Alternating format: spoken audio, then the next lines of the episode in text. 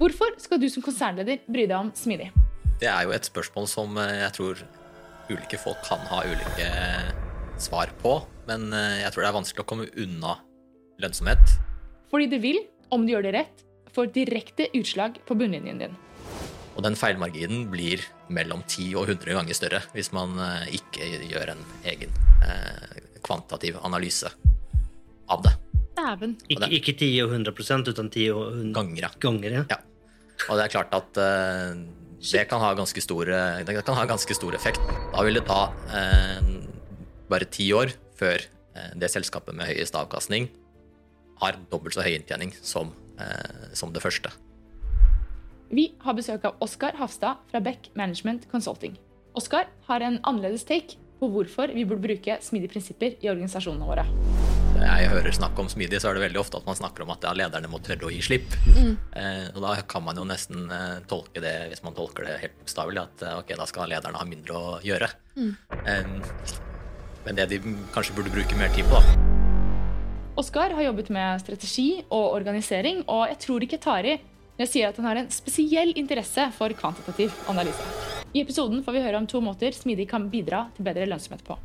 bruker smidige prinsipper, så er en effekt at man eh, kanskje evner å frigjøre en del av tiden til eh, ledelsen, som jo gjør en veldig viktig jobb i forbindelse med å allokere kapital. Over tid så er jo det en eh, veldig viktig verdidriver, som kanskje snakkes litt mindre, litt mindre om når man snakker om smidig. De aller fleste av dere abonnerer ikke på Smidpodden. Derfor vil jeg be deg om en kjempetjeneste. Det koster deg ikke en krone, men det gir oss i Smidpodden masse verdi.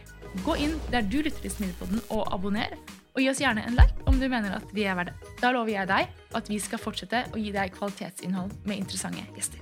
Ønsker du deg tilgang på episoder før alle andre? I så fall så kan du bli en del av Smidpodden-fellesskapet. Gå inn på smidpodden.no slash enkaffe. Vi vil takke vår partner som gjør Smidpodden mulig, Gnist. Tusen takk for at dere gjør Smidpodden mulig. Og ikke minst takk til Smidpodden fellesskap. Hei, Jesper. Hei, Velkommen til oss. tusen takk. Du, økt smidighet det skal jo angivelig føre til at eh, selskapet blir mer suksessrike. Men eh, hva er egentlig suksess for et selskap? Ja, eh, det er jo et spørsmål som eh, jeg tror ulike folk kan ha ulike svar på, men eh, jeg tror det er vanskelig å komme unna lønnsomhet. Mm. De fleste studier som er gjort, gjort på det, viser jo at de som eier selskapene, og til syvende og sist bestemmer hva disse selskapene prøver å oppnå, er ganske opptatt av eh, lønnsomhet. Jeg tror det er i hvert fall et veldig viktig nøkkelord Ja. i den forbindelse. Vi, vi snakker jo om at eh, som du sier, det er jo ofte noen som bestämmer. Eh, selskapet skal jo kanskje leve, leve, leva över tid, det er en fordel. Og så er det jo, hvis man har en lønnsomhet, så kan man jo kanskje gjøre mer ting òg. Mm. Investere, og det kommer vi litt inn i. Så det er, liksom, det er litt grunnleggende. i hvert fall det tror jeg de fleste kan være, være enig i. at liksom, har, du, har du noen form av lønnsomhet, så, så klarer du kanskje å på en måte få til mer og vokse og på en måte gjøre ting som på en måte gjør det mulig å faktisk kanskje ha et bedre selskap og bedre produkter. og det er liksom grunnleggende der. Mm. Men um, hvordan kan smidige prinsipper bidra til bedre lønnsomhet? Jo, godt spørsmål. Og det er jo flere måter smidige prinsipper kan bidra på den- til det, tror jeg. Eh, hvis man deler det i, i to, da, så Mm. er det jo én en dimensjon ved det som jeg tror kanskje er den mest eh, omtalte, er jo den litt mer sånn driftsdimensjonen eh, knyttet til at man får ja, kanskje raskere og bedre beslutningsprosesser, kommer raskere til markedet, får kanskje mer motiverte eh, ansatte som eh, trives bedre og gjør en bedre jobb. Mm. En del av de effektene eh, der. Og så er det også en effekt som eh, jeg tror er litt mindre eh, omtalt. Ja. Eh, Og det handler jo om at hvis man bruker smidige prinsipper, så er en effekt at man kanskje evner å frigjøre en del av tiden til ledelsen, som jo gjør en veldig viktig jobb i forbindelse med å allokere kapital. Over tid så er jo det en veldig viktig verdidriver, som kanskje snakkes litt mindre, litt mindre om når man snakker om smidig. Definitivt. Det er, de aller fleste snakker jo om ja, det du snakker om bedre drift, egentlig. Mm. Det er det man fokuserer på når man snakker om smitt. Ja, altså kan man, det, det ganske, ganska, eh, vi snakker jo også mye om at måte, ledarens jobb blir annerledes. Ja. Mm.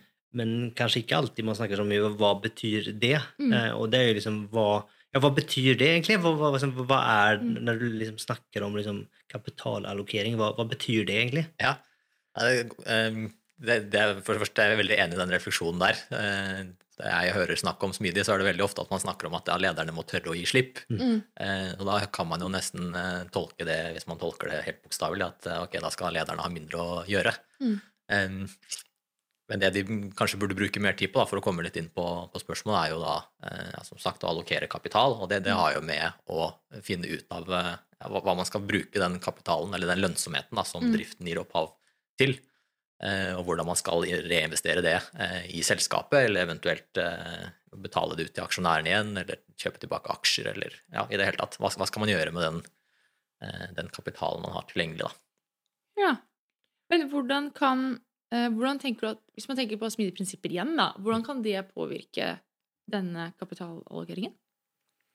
Nei, det, for, hvis man tar utgangspunkt i, i topplederne, som nok er de som i størst grad påvirker, mm. påvirker det, så vil det jo kunne gi dem bedre tid til å finne ut av ok, skal vi sånn si, satse i marked A eller i marked B? Eh, hvor er konkurransen størst? Hvor har vi størst forutsetninger for å levere verdi for, eh, for kundene våre? Eh, Hvor, hvor, hvor, hvor stor er lønnsomheten i marked A og i marked B? Hva vil det koste oss å gå, gå inn dit? Eh, kanskje det å identifisere okay, er det ikke bare marked A og marked B, eller har man et alternativ C i tillegg? Mm. Så det er en lang rekke av de type spørsmålene der da, som eh, lederne kanskje vil få mer tid til å utforske på en bedre og mer riktig måte. For når du sier riktig måte, da, for det er jo også interessant altså, hva, For det er jo eh, unektelig store, komplekse problemstillinger. Mm. Og klart at ha bedre tid til de er jo et god start, men mest sannsynligvis ikke nok. Hvordan kan man jobbe måte, med disse problemstillingene, og, eh, ha smidighet på en måte, en rolle i det? da? Eh, Ja, jeg, tror også helt klart man kan bruke smidige prinsipper også i forbindelse med kapitalallokering. F.eks. i forbindelse med å teste ulike hypoteser om hva som vil fungere og hva som ikke, eh, Ikke vil fungere, også i selve den kapitalallokeringsprosessen. Eh, absolutt. For det her kommer jo også kanskje måte, eh, beslutningsprosesser inn, tenker jeg. Altså hvordan du faktisk eh, tar de. Og der kan jeg tenke meg at måte, smidige organisasjoner jeg tenker jeg er kanskje bedre på å ta beslutninger. Eh, har du liksom sett noe på det? Hmm. Ja, altså jeg har ja, for så vidt litt, ikke Mm. sånn veldig i, i, detalj. Eh, det man ofte snakker om, eh, min erfaring, er at man får tatt beslutninger raskere og kanskje flyttet beslutningene nærmere problemet. Det er en Mm. veldig sånn kanskje en sånn driftsmessig måte å se det på, men man kan jo også se det på den måten at de som faktisk sitter tettest på de mest sentrale beslutningene knyttet til hvor man skal allokere kapital, er jo eh, er jo ofte de som får frigjort tid ved å dytte fra seg en del av eh, Mm. av beslutningsmyndigheten, typisk nedover i organisasjonen, da, i, Mm. i hermetegn. Så eh, sånn sett oppnår man jo ved hjelp av smidige prinsipper at, eh, ja, at også kapitalallokeringen i, i praksis, eh, eller beslutninger knyttet til det, tas tettere på, da. Mm. De som Mm. skal mene noe om det. Men eh, for, ehm, når vi forberedte oss til denne episoden her, så fikk jeg litt sånn ha-opplevelse. Um, for plutselig så er jeg sånn Ok, men det her gir jo egentlig veldig mye mening. Fordi at ok, vi må ha distribuert beslutningstakning. Vi må flytte beslutningen nærme de som har problemet. Mm. eh, for å frigjøre tid fra toppledelsen, så de kan fokusere på kapitalallokering. Så de kan sørge for at de folka har de rette midlene til å ta de rette beslutningene. Og da var det sånn oh, Ok, ja. Mm. Ehm, så det det, liksom, det stemte veldig godt overens til mitt hode. da. Jeg Mm. så på den måte, sammenhengen der. da. At vi må gjøre det for at de skal klare det, og så må de gjøre det. ja. Du skrev I din artikkel så skrev du rundt dette med eh, at man må være forsiktig For når man skal um, flytte beslutningstakningen ned, så går det også på autonomi. Mm. Ikke sant? Eh, og så skriver du at ja, man må være litt eh, bevisst rundt autonomi og på oppsider og nedsider Mm. rundt det. Mm. Kan du si noe om det? Absolutt. Ja, det er jo eh, i hvert fall en Det som jeg har sett når jeg har jobbet med denne type problemstillinger, er at man havner veldig fort i et dilemma Mm. knyttet til det å på den ene siden ha autonome, autonome team som tar mange beslutninger selv, kontra det å ha en litt mer koordinert eh, tilnærming på tvers. Og det er noen risikoer ved å gå for langt i både den ene og den andre, eh, andre retningen. Det du kanskje refererer til litt der, er jo hvis, hvis, du har, hvis du legger for stor vekt på, på autonomi, så risikerer du at eh, ulike enheter i organisasjonen begynner å gjøre de samme tingene, eller at, man, at det er noen, noen viktige ting som faller mellom to stoler, fordi man ikke har en tilstrekkelig sånn, struktur for å koordinere eh, på toppen. Så jeg, jeg tror jo at det, håper å si, smidighet handler om å finne den riktige balansen av de, eh, de dimensjonene der, fremfor å gå lengst mulig i eh, kun en autonom eh, retning. For det, det kommer med en risiko og noen utfordringer også. Jeg tror det, det poenget ditt der er veldig viktig, og jeg tror det er mange, en veldig sånn misforståelse om man ser på ting veldig forenkla og veldig svart-hvitt, og at liksom det fins en feil måte, og så fins det en riktig måte. Nei, det gjør ikke det. Eh, Det er fordeler og ulemper med alt, og så må du på en måte finne hva som er riktig for deg og ditt selskap. Mm. Og det vil mest sannsynligvis ikke være statisk over tid heller, uten det er du på en måte si, kundeproblemer eller andre problemer oppstår, så må du kunne tilpasse deg, og det er der smidigheten egentlig kommer inn. Det er ikke sånn at det er sånn gjør vi det, og sånn gjør vi det ikke det, utan man må liksom finne den finne balansen der.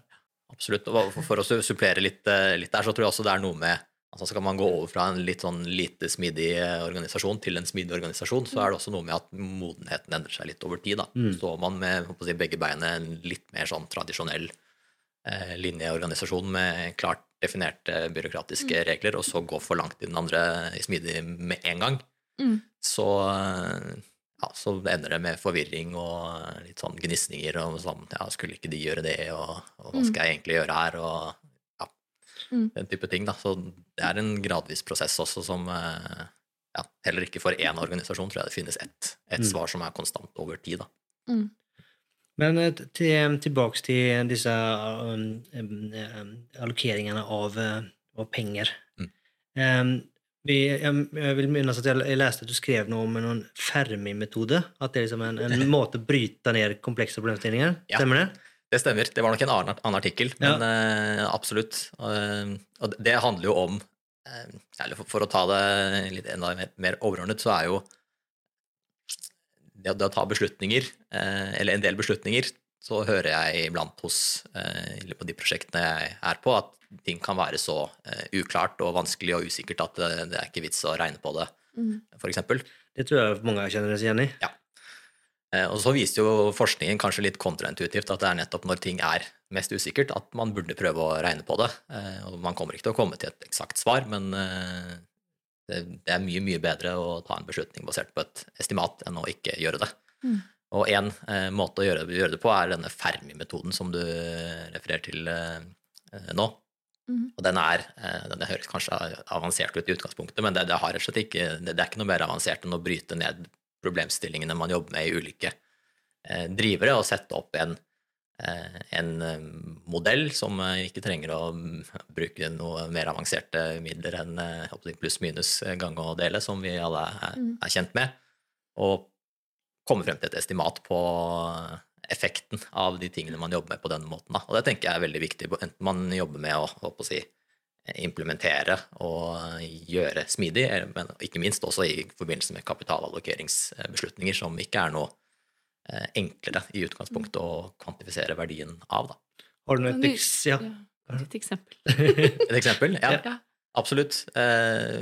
Eh, eksempel hvis man skal vurdere om man skal, eh, eller hvordan man skal endre eller tilpasse en beslutningsprosess, fordi man mener at den er for eh, rigid og tungrodd og ting tar for lang tid i, i utgangspunktet, så vil en måte å benytte denne Fermi-metoden vil være å ta utgangspunkt i ok, eh, kostnaden i dag er nok sannsynligvis et, et utgangspunkt for å vurdere eh, den potensielle verdien man kan ha ved å forbedre dette. Og da er en måte å bryte ned det på kan jo være å ta utgangspunkt i antall store beslutninger som man eh, tar i dag, f.eks., og antall møter man trenger for å få gjennom denne beslutningen, og antall involverte personer i disse møtene, og hvor lang tid de sitter i disse møtene, og ganget opp med en eller annen eh, pris for eh, altså for, for hver enkelt ansatt eller konsulent eller hva det er. Timepris eller Timepris, ja, Eh, og gange det opp på et år, og så se ok, hva, hva koster det faktisk å få gjennom eh, denne typen beslutninger, hvis det skal være det. da. Og Så har man et utgangspunkt, og så kan man eh, f.eks. tegne opp en litt mer smidig prosess, og gå tilbake til regnestykket og se ok, hvor, hvor raskt tror vi at vi klarer å få gjennom denne type beslutninger. Og gjøre det på en annen måte. Og Da vil du kunne få et kvantitativt estimat på, på det å forbedre akkurat den type prosessen. da. Så det blir egentlig det blir rimeligere, det blir rimeligere å ta beslutninger. Av den grunn så si, det spiller mindre rolle at de er feil. Hvis man kan sette det litt på, det trekker det litt langt, så er det egentlig det du sier der, da. At liksom, det, det, det nesten, du får en liksom, økonomisk eh, verdi av å ta en beslutning raskere, som gjør det blir enklere å faktisk ta beslutninger raskere.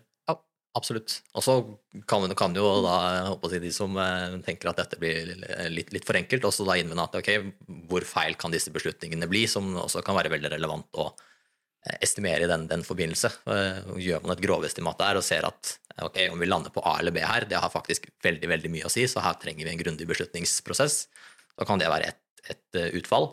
Mens på den andre siden, når man gjør et estimat og ser at ok, her har det ikke så mye å si, og vi tror ikke heller at vi klarer å kanskje forbedre innsikten så mye ved å legge til grunn en veldig mye mer sånn rigid prosess, så kan det være mm. eh, noe som i andre enden taler for at ok, her kan vi gjøre det mer smidig, da. Mm. mm.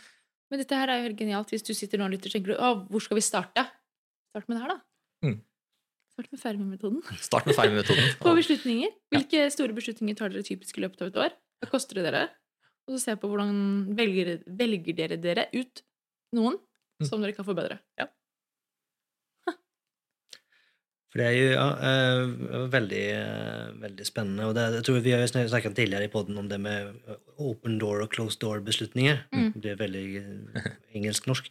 Eh, men det er jo liksom litt, for det er jo, min påstand er at det er veldig få beslutninger man tar mm. som faktisk er closed door, som du liksom ikke kan reversere på en annen måte. Det mm. koster sikkert penger, og sånne ting, men du, du kan liksom snu. da. Eh, og det er kanskje liksom også en parameter inn det her. Liksom, hva er det her for type beslutning? For det er liksom, mange ganger så opplever jeg at man bruker enormt mye energi og tid på ting som på en måte liksom, konsekvensen er egentlig ganske lav. da. Mm. Investeringen er kanskje til og med lav, den òg. Og så bruker man, surrer man ekstremt mye. og man kanskje til og med liksom, Det verste er jo nesten at man liksom man, det her, uff, det var så vanskelig. Så jeg tar mm. ingen beslutning. Det er bare, bare surre og gå som det går. Og, så bare, og, det, og uten å være bevisst hva det er, jo faktisk en beslutning, det òg. Ja. Du får faktisk tatt beslutning at ikke ta en beslutning. Og det er jo kanskje den verste sorten, for da har du null kontroll på, på måte, utfallet. da. Ja, det er akkurat det. Og jeg syns det du sier der med sånn open door og closed, closed door, illustrerer et annet poeng ved dette her veldig godt, som er at ved å tvinge seg selv til å bli såpass konkrete, så oppfatter jeg også ofte, ofte at man lærer, eller man, man ser problemet og, og, blir mer eh, ja, Man forstår rett og slett mer av, av problemet og får mer eh, innsikt. Mm. Eh, min erfaring er at veldig ofte ved å bruke den fermemetoden, så ja, så, så, så, påvirker det måten man løser problemene eh, på. Det kan kjennes litt sånn der kunstig kanskje i starten å bruke tid på å kvantifisere eh, sånne type ting, men eh, ja. Nei, men jeg tror det gir veldig mye mening. For hvis du også tenker at ok, men hva om du kombinerer det med en liten verdikjedeanalyse, da? Mm. Så får du plutselig dobbel effekt. For, for, jeg mente at jeg leste at, hadde, at man, eh, man, hadde sett på altså, eller Kanskje var det bare du som hadde, som hadde, lekt litt med tall på hva de, disse beslutningene eh, kostet? Det var på kapitalallokering. Var det på kapital, ja. ja. ja. Hvor viktig det var å bruke tid på kapitalallokering pga. effekten de kunne ha på lønnsomheten. Ja. Absolutt. Jo, jo, stemmer det. Så eh, ja, hvis du tar et, et regneeksempel der, da, hvis du, hvis du ser for deg to, to helt like selskaper, i den forstand at de har en eh, egenkapital, altså det er den regnskapsmessige verdien av, eh, av selskapet for, eh, for, eierne. Se for deg at den er 100, og så har den en avkastning på den kapitalen på der det ene selskapet har 10 avkastning, altså et årsresultat på da 10 kroner, og det andre selskapet har eh, en avkastning på 14% Det er da den gjennomsnittlige avkastningen på SMP 500. Og så ser man fortsatt at disse selskapene da reallokerer all den kapitalen tilbake igjen inn i selskapet og investerer det i nye prosjekter og nye, nye initiativer. Da vil det ta eh, bare ti år før eh, det selskapet med høyest avkastning har dobbelt så høy inntjening som, eh, som det første. Eh, og hvis man da ja, alle grep man klarer å gjøre for å da heve eh, egenkapitalavkastningen, som da eh, denne 10 og 14% er et uttrykk for Hvis man klarer å heve den da 4 prosentpoeng fra 10% til 14% så vil det over tid ha en veldig, veldig stor effekt. Ja, og for, for, de som har vært borti eller enten studert økonomi eller uh, hatt om geometriske rekker i matematikken på, på, skolen på noe tidspunkt, uh, husker kanskje det at uh, de, den, denne typen effekter over tid blir veldig veldig store. Veldig mye større enn det man tenker på når man bare tenker i prosent. Rentes renteeffekt, ikke sant? Rentes renteeffekt, ja. ja. ja. Ikke sant? Så, ja. Og det er jo veldig, og det jeg opplever kanskje ikke man har noe bevisst eller Det fins selvfølgelig folk som har det, men sånn generelt så opplever jeg ikke at det er så mye man snakker om det, egentlig. Eh, og det er ganske interessant at du får den dobling på ti år da, på fire prosentpoeng. Det er liksom ganske ekstremt, da, egentlig. Men, men ehm, jeg tror kanskje jeg var skyldig i å, å, å um, dytte deg litt bort fra ditt poeng, Tobias. Ja, sikkert. Men eh, hvis vi bare trekker litt tilbake til det, for du snakket, det du sier, er at Tobias, at ehm, om Oskar hadde regnet på eh, beslutningstakning og hvor mye det kunne koste ja, det var egentlig det Men- jeg spurte. hvis, ja, Men hvis man så tenker at ok, la oss si at du sparer inn en mill. eller to da, på Mm. beslutningstakning, Mm. det går rett, rett inn i kapitalen, da vil du få enda større effekt. Ja, Da vil du få Så det her vil jo liksom forsterke hverandre. Mm. Absolutt. Så sånn, hvis du, eh, altså det, det best of both worlds her, med tanke på smidig, vil jo både generere en økt lønnsomhet fra driften, som du så forhåpentligvis også klarer å allokere på en bedre eh, måte, gjennom at eh, ja, ledelsen får frigjort tid da, til å finne ut av hva de skal gjøre med den eh, kapitalen. Og så kan du som lytter tenke sånn «Æ, men hvorfor skal jeg bry meg om det som ansatt? At ledelsen skal eh, få mer penger å rutte med. Men det tenker jeg skal si deg nå. Fordi det betyr jo at vi kan eh, lønne folka våre bedre. Absolutt. Vi kan få tak i bedre folk. Vi kan skape morsommere produkter. Vi kan få eh, morsomme ting å jobbe med. Det blir, ja, du kan jo, altså, alle disse her, det, altså, investering kan jo Ja. typisk være en altså, ny, ny Det må jo altså, ikke være tilbakekjøping av aksjer, liksom. Ja, det er Selv om det er sikkert noen sikkert syns det er skikkelig gøy. Så det kan jo være andre ting, ja. Absolutt. Mm. For ikke å snakke om at jeg tror det er ganske mye morsommere å jobbe i et selskap som, eh, håper jeg som, som går bra, kontra et selskap hvor det er nedskjæringer og kutt på, over hele fjøla. På, Det er- på alt, da. Det er jo mange som har kjent på det siste. Jeg tror de fleste kan skrive under på at det ikke er spesielt moro. det ja, tror ikke det er så veldig kontroversielt å si det, nei. Nei, jeg tror ikke jeg tror ikke jeg tråkker rundt salaten jeg sier det. Men eh, eh, det, det som jeg har sett som er liksom interessant, er jo man, eh, man kanskje sitter og har en, en topplederjobb, eh, men så er man ikke kanskje økonom. Eh, utan man kommer kanskje fra, si, fra driften. Man har blitt dannet i driften, hvis man kan kalle det det. Altså, har du noen tips der? da? Altså, hva, hvordan, for det er jo ikke ikke straight forward, sier det på godt norsk, på en måte hvordan man skal liksom navigere den egentlig, nye arbeidsoppgaver som man nå som Mm. toppleder har någonstans fått. da. For man har klart å gjøre sin organisasjon smidig så at de klarer å ta beslutninger lenger ned i organisasjonen når man liksom er overflødig og nå skal gjøre nye ting. Liksom, hva, har du noen tips her som får han liksom navigere det her? da? Ja, et godt, godt spørsmål. Jeg, Jeg, jeg tror jo at eh, bare det å være bevisst på, på den eh, effekten vi var litt inne på nå nettopp, knyttet til kapitalallokering og, og hvor viktig det er, er en, en god, eh, god start. Eh, Og så finnes det jo masse, masse litteratur på dette som det går an å, å lese, lese på, men jeg tror det viktigste er å ha et bevisst forhold til det og eh, gjøre de eh, analysene som, eh, som trengs knyttet til ja, hva ting koster, jeg sa hva ulike initiativer koster, hva er verdien man kan få tilbake igjen eh, for det, eh, og eh, sammenligne alternativer på tvers etter, etter de parametrene, og rett og slett sette av tiden til å gjøre det, og i hvert fall vurdere om den tiden man bruker på, på drift og andre typer ting, veier opp for den effekten det vil ha å få den type beslutninger riktig. Mm. Du sa egentlig viktigheten av at at analyse, tallfeste ting, egentlig eh, kvantitative analyser. Så det er kanskje noe med å drive den agendaen òg? Kanskje, jeg om jeg tolker det riktig, at det er et viktig poeng i seg selv? Liksom faktisk ha et, om du ikke nødvendigvis gjør de analysene selv, så at du faktisk har på en måte, et grunnlag å ta de beslutningene på. da.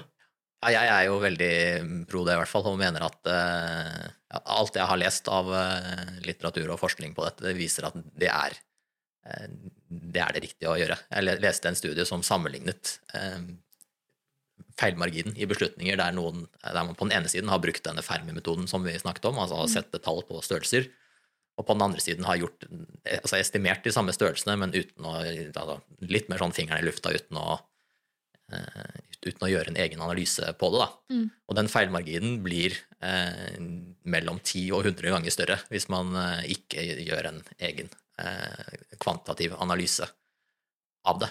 Dæven. Ikke, ikke 10 og 100% utan 10 og 100 Ganger, ja. ganger. Ja. Ja. Og det er klart at uh, det kan stor, det kan ha ganske stor effekt. Og ikke, ikke bare det, men det er også, den effekten er aller størst der usikkerheten er håper størst i utgangspunktet. Så jeg vil si at hvis man opererer en konsistent med en sånn tanke om at eh, dette er så usikkert, og nettopp derfor kan vi ikke gjøre analysene, så er det litt sånn eh, Mm. kontra, kontra det i hvert fall den forskningen viser. da. Så neste gang noen sier til meg liksom fingeren i været, så bare mm, mm, mm. Ja, for, jeg, men jeg tror at det, det ligger jo vi, vi kommer jo fra en verden som var mye mer eh, forutsigbar. Mm. Eh, så, så det er liksom lett å Og spesielt hvis man har man liksom mye erfaring, så er det liksom enda lettere tenker jeg, å tro at man kan predikere fremtiden og si hva som på en måte er, eh, vil skje, og hva som er riktig. Og det er jo ekstremt skummelt, da. Definitivt. Ti 10-100 ganger. Det er ganske, Det er ganske voldsomt, Ja, ja, ja. Det er ganske voldsomt. Og så kan du egentlig ved ekstremt enkle grep Ja. Bare redusere det. Ja, Man kan det. Og ja, en av de artiklene dere refererer til, der, der har de jo sammenlignet da det de har definert som eh, De har definert en gruppe med åtte til ni eh, særlig eh, su- suksessrike CEO-er, altså administrerende direktører, Mm. og sammenlignet det med sin såkalt peer group. Mm. Eh, Og definert hva, okay, hva er det som, som skiller dem. Eh, Mm. Og der er det jeg tror det er åtte kjennetegn til slutt i den, eh, den boka, og seks av dem går egentlig på denne type analyser, og at de, har, altså, eh, at de tar beslutninger basert på den type innsikt. Da. Mm. Plutselig så fikk også datadrevet beslutningstakning en litt annen Svung. betydning. Ja. For, det, for det, det, det er tilbake til den forskningen der, for det, for du blir vel um, omtalt som superledere, var det ikke? Ja. ja. Eh, kunne du fortelle litt mer om det? For det er liksom utrolig spennende. Og, og Mm. litt Uh, liksom, hva, hva er det her for personer? Og hva, hva, hva, var det, du sa åtte ting, hva, kanskje ikke husker alle åtte, men hva, var de andre liksom, kjennetegnene? Hva, er- hva er det de egentlig gjør? Eh, Ja, altså det, som ble gjort, var som sagt å identifisere disse superlederne. eh, Og de, Det var basert på selskaper som på en måte gjorde det ekstraordinært. Det var liksom det som var på en måte innfallsvinkelen. ikke sant? Det var Så- tilbake til lønnsomhet igjen. Tilbake til lønnsomhet. Ja. Altså over en 25-årsperiode, tror jeg det var, så hadde da disse selskapene gjort det. De hadde en ni ganger bedre utvikling enn, eh, altså på, på børsen da, enn eh, enn sine peers. Og så har det vært gjort litt sånn undersøkelser for å vurdere at ok, er dette her, eh, hva skyldes tilfeldigheter, og hva skyldes faktisk konsistente forskjeller på, på disse. Og så rundes det av med en, en tabell med jeg tror det er åtte forskjellige, eh, åtte forskjellige dimensjoner.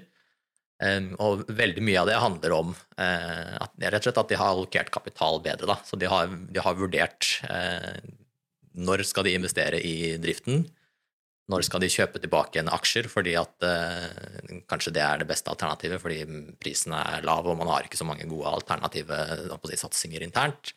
Når skal man betale ut eh, utbytte? Eh, Og ikke minst at man har definert eh, veldig riktig og kvantitativt, det tror jeg er litt viktig, mål på eh, suksess eller lønnsomhet for disse selskapene. Så av, av de åtte så tror jeg seks av dem eller sånt nå går egentlig på kapitalallokering. Og så er det to som ikke går på, går på det. Det ene er at eh, alle disse var faktisk eh, first time CEOs. og det var ikke sånne drevne CEO-er som eh, eh, ifølge boka er veldig sånn karismatiske og lett å tenke seg at ja, dette, dette er en sjef, på en måte. Eh, Og det, det ene som går på driften, er at de har hatt en jeg tror det ble omtalt som extreme eh, decentralization. Altså veldig sånn eh, ja, dytte beslutningsmakt eh, nedover i organisasjonen og bruke tiden sin på kapitalallokering. Da. Jeg syns det er veldig interessant at ehm, Litt tilbake til lederens rolle, da. Mm. At de faktisk bruker tiden sin på kapitalallokering. At det er det som Og det var seks av de åtte kriteriene. Mm. Fordi at man kan tenke seg at det er jo det de gjør best. Uh, og det er jo, de er jo de eneste i selskapet, sammen kanskje med sin ledergruppe, som har helhetsbildet over organisasjonen. Uh, så det handler jo virkelig om å putte de riktige folka måte, gi de riktige folka de riktige beslutningene, på et vis. da, Ja. I i riktig jobben, da, på Ja. et vis. Um, og fjerne all den andre på en måte, De tingene som andre faktisk kan gjøre, Mm. um, istedenfor. Og også kanskje også gjøre bedre enn dem.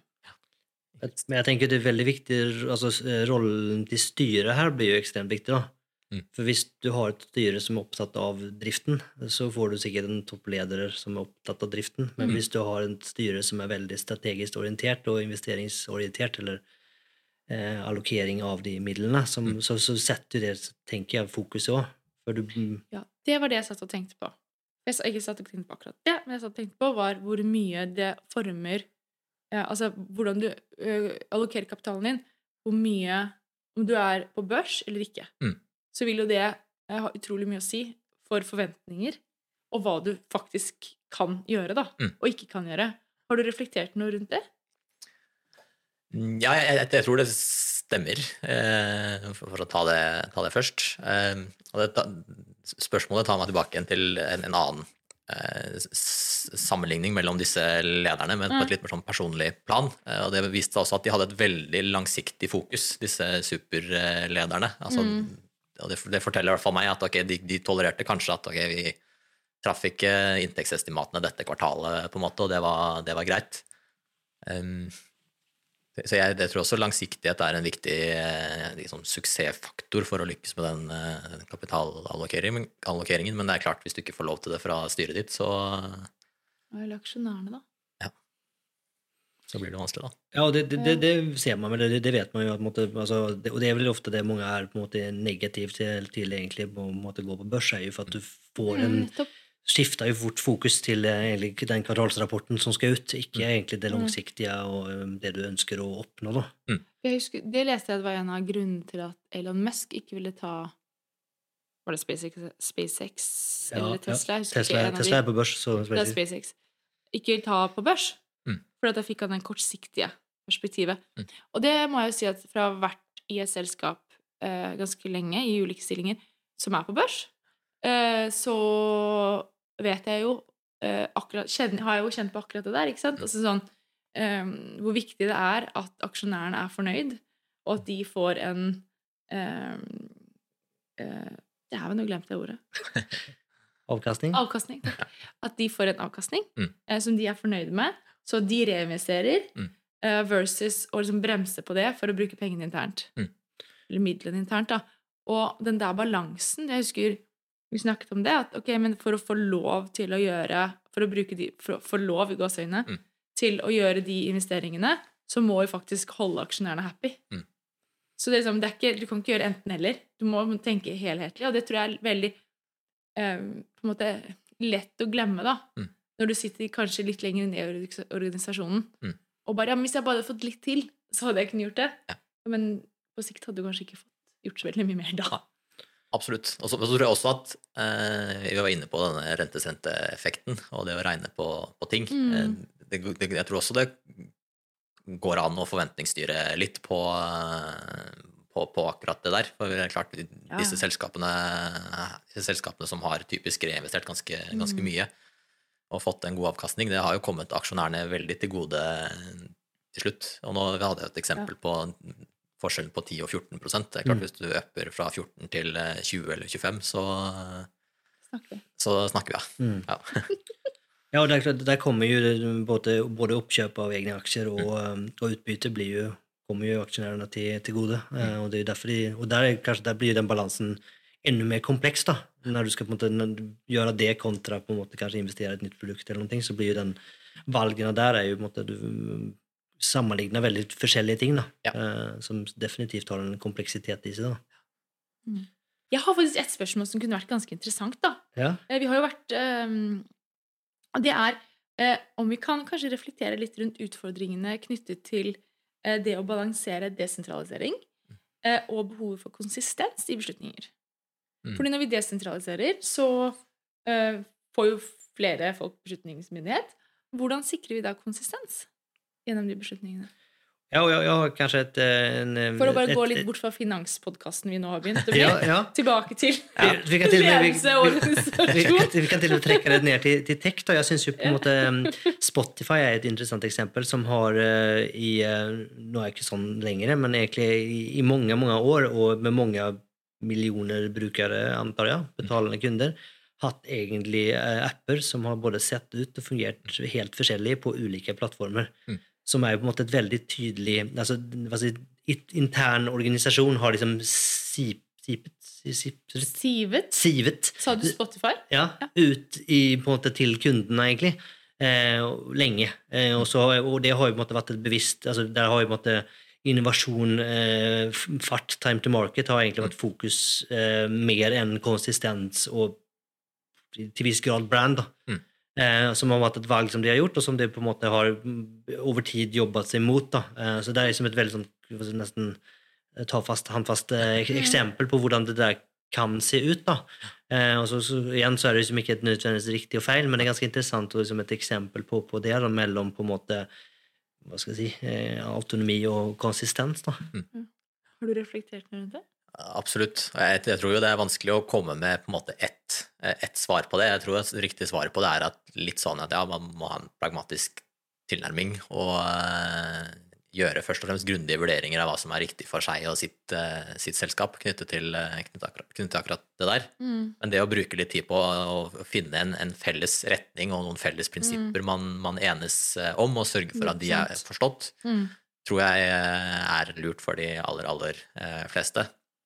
Og så mm. tror jeg det er viktig å ha noen strukturer på plass også som sikrer at man har en viss form for koordinering og eventuelt fanger opp hvis man er på vei for langt, eh, for langt fra hverandre. Og så må man finne da, den riktige balansen mellom den rigide strukturen på den ene siden og, eh, og det autonome Mm. eh, på den andre siden. Og akkurat hva som er den riktige miksen, det, det, det tror jeg kommer litt an på, rett og slett, fra Mm. selskap til selskap, og at man rett og slett må investere litt tid og krefter på å finne ut av. Mm.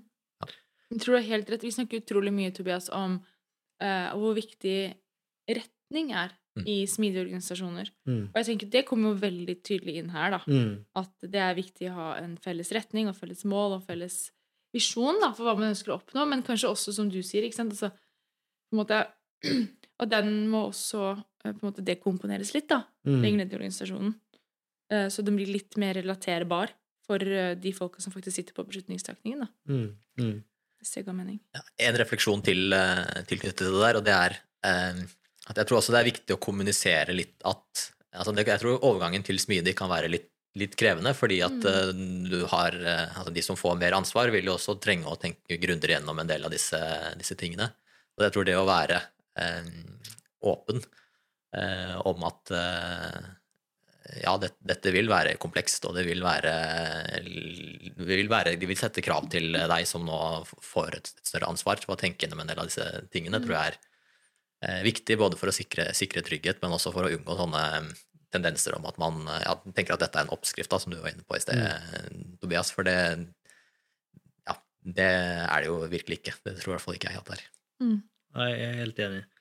Og eh, det er jo en eh, som vi er inne på da, at det, liksom, det, det er kanskje en, en balanse her, og det vil måtte endre seg over tid, og det er mange ting som på en måte spiller inn, så jeg tror det er liksom viktig å være, eh, være bevisst på det. Og så er jeg kanskje tilbake til det med beslutninger, for det er liksom, der kan det være at det å eh, For det som for si, jeg spoler tilbake, at i ytterpunkten så kan du risikere at du har kanskje to team da, som gjør akkurat det samme, og det er veldig lett å regne på kosten av det. Men på andre siden, hvis du ikke hadde hatt den eh, autonomien og friheten, eh, så hadde de kanskje ikke Inget team hadde gjort det, kanskje. Mm. Eh, og kosten av det er jo veldig mye vanskeligere å kvantifisere. Eh, men det er jo det er jo veldig ytterpunkter, da, men det kan jo være det du står inne for. da. Og der er liksom, hva er, hva er riktig der, er jo, kan jo være på en måte vanskelig svar. da. Det tror jeg det, det tror jeg du har helt rett i at, at det er. Eh, Jeg tror det er viktig å være bevisst, bevisst på, da, ikke minst, eh, for å, for å finne den riktige balansen. Og så tror jeg at man eh, ender opp med noen, trade-offs uansett. Altså skal du ha mer av den ene type risikoen eller mer av den ene type kostnaden, f.eks. høyere risiko for at eh, folk går i beina på hverandre osv., eller skal du ha- en høyere risiko for den andre du peker på. Mm. At, eh, ja, at man ikke får det samme engasjementet og innovasjonskraften og fart, farten og i det hele tatt. da. Mm. Alle de positive tingene. Mm. Mm. Har du noen mer spørsmål i hatten i dag? Nei, Har ikke det? nei, jeg har ikke det. Skal vi begynne å runde av, da? Ja. Jeg satt og bare tenkte på Når jeg jobbet i konsernredaksjon, snakket vi mye om eh, eh, Da er det naturlig å snakke om mye nedside, nedsiderisiko, men så begynte etter hvert så begynte man også å snakke om oppside. Mm. Og det tror jeg, det er jo det dere er inne på her. ikke sant? Både oppside og nedside. da. Det er viktig å ta med seg i sånne beslutninger. jeg. Og da kan det jo være lurt å snakke om usikkerhet i stedet for risiko, for risiko har en sånn veldig negativ klang. Og, og even om du kan snakke om oppsiderisiko, så høres ikke det fortsatt ikke positivt ut. Så usikkerhet er jo en mer, eh, en, eh, mer eh, jeg si, neutralt ord for det samme. Ja, det er det. Enig. Ja, det er det. Så med det Ok, så med det Ja, bare, ja vi kan diskutere usikkerhet og risikomeldinger, men eh, vi hopper inn i de fem siste spørsmålene. det er ikke så mye usikkerhet der, tror jeg. Ja. Um, hva ville du ha fortalt 20 år gamle deg selv? Ja, dette jeg har jo fått spørsmålet på forhånd, så dette, dette, var, dette var et vanskelig spørsmål å svare på, må jeg må innrømme. Men jeg tenkte at når jeg var, når jeg var 20 år, da, da hadde det året rykket Brann ned. og Jeg er jo ganske stor eh, fan av, fan av dem. Så jeg tror kanskje jeg ville sagt at ja, de, de kommer til å rykke opp igjen og bli et bra, bra lag igjen. For å ro, roe nervene litt, ja. Den er god. Uh, det, kanskje det er det, tipset man skal si til de eh, kan jo ikke fotball, men de, de som rykte ned nå her Vålerenga-supporterne, ja, for ja, eksempel. ja, det kommer løse seg. Du rykker opp igjen. Good. Um, hva tenker du kjennetegner en god leder? Ja, eh, jeg tenkte på noen punkter, eh, punkter her. Jeg, jeg tror jo litt i tråd med den todelingen mellom kapitalallokering og drift, at det er viktig å ha eh, litt sånn analytisk og kommersiell Å være- sterk på de, de tingene. Eh, Og så tror jeg også at det å ha en, noen soft skills eh, er helt eh, essensielt som, som leder. Det å være en ydmyk og hyggelig og trivelig person sånn generelt tror jeg er eh, også kjempeviktig. Så en, en god kombinasjon av eh, si, det harde og det myke. Mm. Til toppleder, da? Altså, er det liksom, hva, hva tenker du? Hva er, hva er vektingen der? Ja, det er, et, det er et godt spørsmål, og det, også det kommer kanskje litt an på hvilken vekting man igjen har mellom eh, For å trekke tilbake på de, de to tingene vi har snakket litt om her. Er, er du utelukkende fokusert på, på kapitalallokering, og jeg håper å si har ikke så mye med driften å gjøre, så er det kanskje tyngre på, tyngre på det.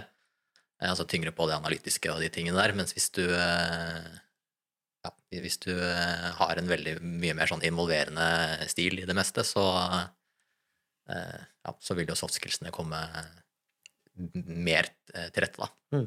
Så jeg tror kanskje det kommer litt, eh, litt an på sånn sett, men eh, ja, jeg er jo jeg, jeg, jeg tror jo det analytiske og kommersielle er ganske viktig uansett, og kanskje en litt sånn undervurdert faktor, egentlig.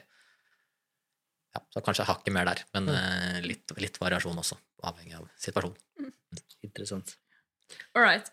Eh, så hvis de som lytter, ønsker å bli bedre på eller komme i gang med La oss si kapitalallokering, da. Ja. Hva, hvordan gjør de det? Har du noen tips?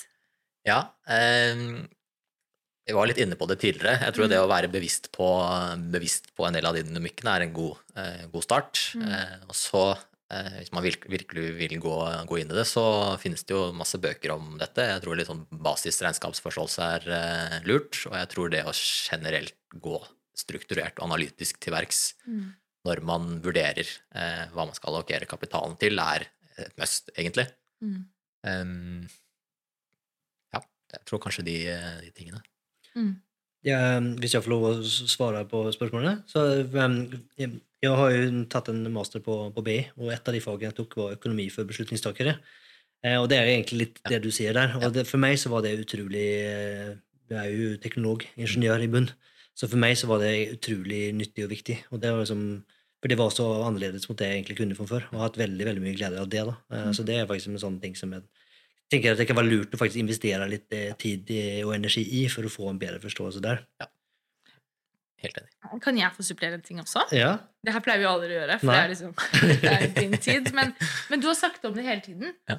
Uh, og det er jo nettopp uh, det du sier som er så viktig, og faktisk også sette av tid til å eh, optimalisere driften. Mm. Sånn at du som leder får tid til å jobbe med kapitalallokeringen. Mm. Det tenker jeg er viktig. da. Enig. Det er det du har snakket mye om, i hvert fall. Mm. Ikke for å legge ord i munnen på deg, men gjorde det. Jeg er ikke det. Good. Eh, nå skal du få lov å svare selv. Ja. Eh, har du noen bøker, lydbøker eller podkast du ønsker å anbefale?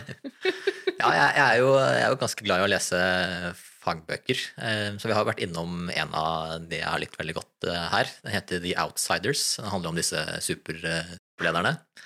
Og som eh, tittelen antyder, så er det jo, ja, de er jo litt outsiders på den måten at de har gjort ting annerledes, men de har oppnådd veldig gode resultater. Og det resonnerte veldig, veldig bra med meg, i hvert fall, de, de tingene de har gjort annerledes. Så det var en veldig, veldig god bok.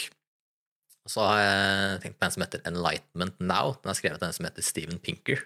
Syns jeg er helt utrolig bra bok. Han tar liksom for seg en lang, lang rekke med, med tema som eh, eh, ja, som er veldig, veldig viktige sett fra et mer sånn eh, samfunnsperspektiv. Og tar for seg status og forskning og ja, beskriver utviklingen innenfor en lang rekke, rekke tema. Utrolig bra bok. Og så har jeg notert ned en bok som heter Noise, eh, som handler, er litt, handler litt om psykologi og beslutning, beslutninger. Eh, er fra 20, 2020, tror jeg. Har skrevet av blant annet Dan Kahneman, som har også skrevet den 'Thinking Fast and, and Slow'. Mm. Eh, den handler om ja, beslutningsstøy på, på godt norsk, eh, og med mange spennende eksempler på det. Det var mange spennende, interessante forslag. Det var det. Jeg tror det er nye bøker alle Ja. tre, så det er jo det. kult. Ja. Det var skikkelig bra. Men eh, du, Oskar, nå sitter man og lytter her og tenker sånn Åh, dette må jeg som leder bli bedre på. Eller vi trenger å bli bedre på organisasjonen min. Hvordan kommer man i kontakt med deg da? Hva gjør man da? Ja, nei, det, jeg er tilgjengelig på, på LinkedIn og, og mail, eh, blant annet. Oskar.hafstad.bekk.no. Mm. Så jeg blir bare glad hvis eh, noen tar kontakt og vil høre mer. Det syns jeg bare er hyggelig. Snakke litt om kapitalallokering. Snakke litt om kapitalallokering. Ja, overraskende spennende. Er det Ja, men gud. Så med deg, da? Så takker vi for oss. Ja. Tusen takk for at du ville komme til oss. Oscar. Tusen takk for at jeg fikk eh, være her. Det var kjempehyggelig. Da er det bare å si ha det til lytterne. Det gjør vi. Ha det bra! Ha det bra. Ha det godt.